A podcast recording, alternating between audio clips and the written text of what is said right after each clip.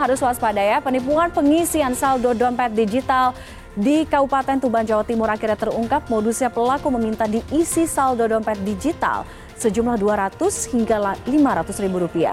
Setelah saldo terisi, pelaku kemudian berpura-pura lupa membawa dompet dan meminta izin mengambil uang. Namun hingga berhari-hari ditunggu, pelaku tak juga datang membayar. Sebanyak 12 kontak di lima kecamatan telah menjadi korban berkat video rekaman CCTV yang sempat viral polisi berhasil menangkap pelaku AP.